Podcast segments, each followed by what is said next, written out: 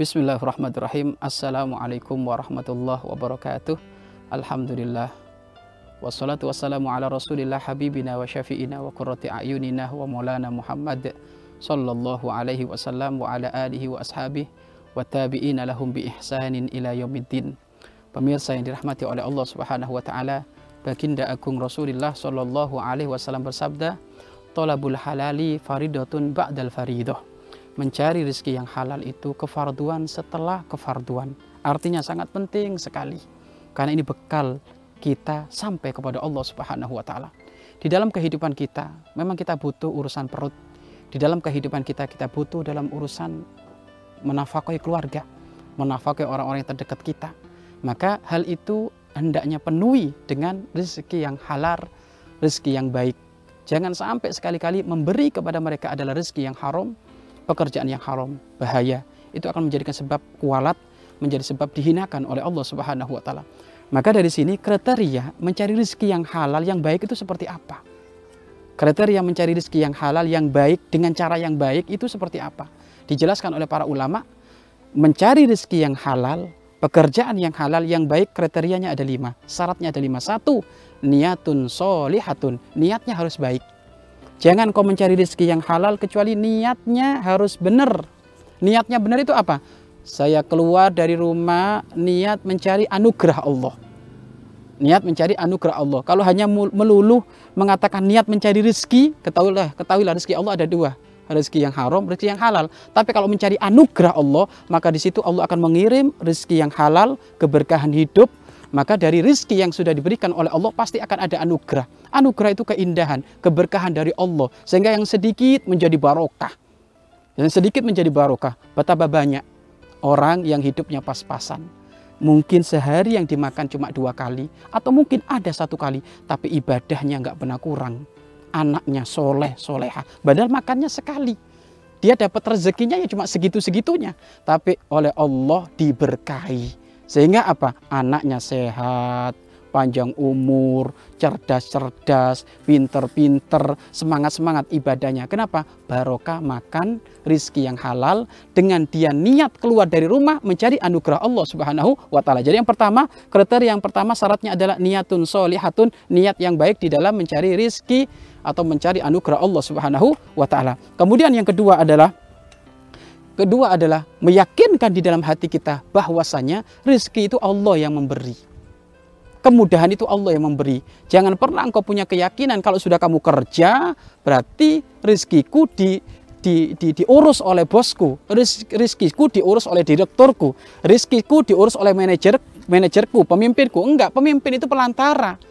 Keyakinanmu adalah tetap kepada Allah, kepada Allah. Allah yang memberi rezeki. Bahkan sangat mudah bagi Allah memberi rizki kepada hambanya tanpa dia harus keluar dari rumah. Banyak seperti itu. Kita melihat orang gila, Masya Allah. Orang gila nggak pernah kerja. Dia hanya keliling, keliling, keliling. Tapi Masya Allah karena Allah menjamin siapa pun dari hambanya dalam urusan rizki. Orang gila ngomongnya ngelantur, ngalor ngidul. Tak tanya ada orang kasihan karena dia belum makan. Tiba-tiba dikasih dua bungkus nasi. Sudah gitu dikasih bakso lagi. Artinya apa? Allah sangat mudah memberikan kepada hambanya rezeki tanpa diduga-duga. Akan tetapi bagi seorang hamba tetap dianjurkan kita harus mencari riz, rizki, mencari anugerah Allah, rizki yang halal. Maka kriteria yang kedua, syarat yang kedua di dalam mencari rezeki yang baik adalah gantungkan, andalkan kepada Allah. Bukan mengandalkan kepada usaha yang kamu urus tadi itu. Itu yang kedua. Kemudian yang ketiga adalah di dalam proses mencari anugerah Allah tersebut, mencari rezeki yang halal tersebut, tidak sampai melalaikan kepada Allah. Artinya apa? Waktunya sholat, sholat. Waktunya ngaji, ngaji. Waktunya baca Al-Quran, baca Al-Quran. Yang halal ambil, yang haram jangan. Loh, jangan sampai melalaikan kepada Allah. Bahkan, Masya Allah, orang-orang yang memang rindu mencari rezeki yang halal, karena niatnya adalah baik, dan mengandalkan kepada Allah, belum berangkat menuju kantor membaca doa dulu, doa safar, kemudian di perjalanan berzikir kepada Allah, di dalam mobil dengar-dengar ceramah, musik-musik islami, semuanya menggambarkan kepada ia sebelum menuju ke tempat kerjaannya, semuanya mendekatkan diri kepada Allah Subhanahu wa taala. Tidak ada sedikit pun melalaikan. Kalau ternyata di dalam kau proses mencari rezeki yang halal, lah kok melalaikan, maka ini rezeki nggak baik. Kalau nggak baik berarti nggak bakal barokah. Bisa jadi yang halal tapi nggak baik nggak ada keberkahan. Bisa jadi. Kenapa? Karena proses melalai proses kita mengambil itu rezeki adalah dengan cara yang melalaikan kepada Allah. Jualan cilok halal, nyangkul di sawah halal. Tapi kalau jualan cilok waktunya sholat gak sholat, walaupun dapat rezeki yang halal, karena nggak ngambilnya adalah dengan cara nggak sholat, jadi nggak barokah. Petani siapa mengatakan tidak halal? Petani nyangkul di sawah halal, manen padi halal. Tapi kalau proses bertaninya, memanennya, meninggalkan sholat, yang tadi gandumnya, padinya itu adalah halal, tapi gara-gara prosesnya meninggalkan sholat, melalaikan kepada Allah, maka itu akan menjadikan rezeki tidak baro, barokah. Pemirsa yang dirahmati oleh Allah, perhatikan bagaimana proses kita mencari rezeki. Allahnya ditinggal ataukah tambah ingat kepada Allah. Kalau tambah ingat kepada Allah, yakinilah rizkimu akan menjadi rizki terbaik sepanjang hidupmu. Rizkimu akan menjadi rizki hebat. Dimakan anak-anakmu akan menjadi barokah. Anak-anakmu akan menjadi orang-orang besar. Itu yang ketiga. Adapun yang keempat, syarat yang keempat dari rizki yang baik yang akan mengundang keberkahan dari Allah adalah di saat di saat mencari rizki tidak sampai terjumus kepada sesuatu yang haram. Kalau tadi melalaikan, kalau ini tidak sampai terjumus dalam sesuatu yang haram. Intinya adalah jika yang haram tidak diambil. Walaupun gajinya sangat besar. Walaupun gaji sangat besar. Contoh, kamu akan dikasih gaji satu triliun.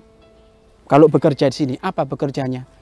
Masukin homer ke botol, nanti dijual. Wah, ya jangan. Percuma kayak gitu ini dijamin rezekinya akan kacau ini. Amburadul dimakan anak kita anak kita akan jadi setan nanti. Akan jadi iblis kayak gitu. Atau nih kamu tak kasih kamu ubar sebulan 5 juta. Tapi tolong kamu jadi satpam ya jadi satpam satpam dari bar satpam dari diskotik. Jadi kamu buka pintu orang-orang yang mau mabuk. Kamu buka pintunya orang-orang yang mau maksiat. Yo jangan mau kalau kayak gitu ini pekerjaan yang ha, yang haram. Akan tetapi perlu difahami, kalimat kami ini bukan menghinakan siapa pun. Di saat kami berbicara seperti ini, ini tanda kami cinta kepada siapa pun yang masih berada di wilayah tersebut. Kami yakin mungkin ada orang kerja di wilayah yang nggak benar seperti itu. Tapi saya yakin hati nuraninya rindu ingin bekerja yang halal. Maka hati nuranimu itu gugah lagi agar supaya engkau mendapatkan pekerjaan yang ha, yang halal. Jadi ciri yang keempat di dalam kita mencari rizki yang baik, mencari rizki yang halal, yang berkah adalah tidak sampai terjumus kepada sesuatu yang ha, yang haram, tidak ada nipu menipu, tidak ada zolim dan seterusnya. Mudah-mudahan Allah membimbing kita semuanya untuk mendapatkan rezeki yang halal, yang baik. Kemudian yang terakhir, kriteria yang terakhir yang kelima adalah bahwasanya di dalam proses ia mencari rezeki, di dalam proses ia mencari mencari rezeki adalah senantiasa merasa diperhatikan oleh Allah senantiasa merasa diintai oleh Allah. Sehingga di saat dia jualan di pasar tidak akan nyuri timbangan, tidak akan ngurangi timbang timbangan. Kenapa? Diawasi oleh Allah. Kemudian di saat dia di kantor pun tidak sempat dia berlaku sewena-wena. Mengumbar tanda tangannya untuk kepentingan yang haram nggak mau. Kenapa? Merasa diawasi oleh Allah subhanahu wa ta'ala. Di saat jual-jualan buah-buahan tidak sempat nuker jualan yang sudah dihitung oleh pembelinya. Sudah milih-milih bagus ternyata dituker timbangannya dengan buah-buah yang busuk. Nggak sempat kayak gitu. Kenapa? Karena dia merasa diperhatikan oleh Allah subhanahu wa ta'ala. Jadi dia selalu menghadirkan Allah telah memurokobain dia. Dia senantiasa diperhatikan oleh Allah di saat dia ngojek, di saat dia nyangkul, di saat di saat dia di saat dia harus keluar dari rumah, di saat dia mungkin nyuci sebagai tukang laundry, semuanya merasa dirinya diperhatikan oleh Allah Subhanahu wa taala. Dan ini pernah berlaku di zaman para sahabat. Sampai suatu ketika di saat sahabat agung Nabi Muhammad itu beliau menyangkul ada di sawah, tanda beliau merasa diperhatikan oleh Allah di saat terdengar suara adzan yang tadi cangkulnya itu, yang tadi cangkulnya itu dari atas, yang tadi cangkulnya ke atas mau dikebawain kalau ada suara adzan tiba-tiba terhenti. Cangkulnya terhenti di atas. Kenapa? Kalau melanjutkan ke bawah takut mengutamakan dunia, ya kan? Mengutamakan dunia, maka cangkulnya tetap di atas. Artinya apa? Sebegitunya para sahabat di dalam merasa dirinya diperhatikan oleh Allah. Sampai urusan cangkul saja nggak mau kalau adan cangkulnya dikebawain. Kenapa? Khawatir diutamakan, mengutamakan dunia, dunia. Merasa dirinya diperhatikan dunia, bukan diperhatikan Allah. Pemirsa yang dirahmati oleh Allah subhanahu wa ta'ala. Rezeki Allah yang halal banyak. pekerjaan Allah yang halal banyak, maka ambillah dengan cara yang baik. Sekali lagi, cara yang baik adalah lima syarat. Satu, niat yang benar. Dua, yakin itu dari Allah Subhanahu wa taala. Ketiga, proses pencarian rezeki tidak sampai melalaikan kepada Allah Subhanahu wa taala dan yang keempat, proses di dalam mencari rezeki tidak terjumus pada sesuatu yang haram pekerjaan yang haram, usaha yang haram, dan yang terakhir adalah merasa senantiasa dirinya diperhatikan oleh Allah, diintai oleh Allah di mana pun ia berada, di mana pun dia usaha, di mana pun dia bisnis, maka insya Allah dengan lima syarat ini rezeki Anda adalah rezeki yang baik, berkah, dan akan menjadi keindahan di dalam kehidupan dalam rumah tangga Anda. Mudah-mudahan Allah membimbing kita semuanya untuk mendapatkan rezeki yang halal, barokah dunia akhirat. Wabillahi taufiq wal inayah. Wassalamualaikum warahmatullahi wabarakatuh.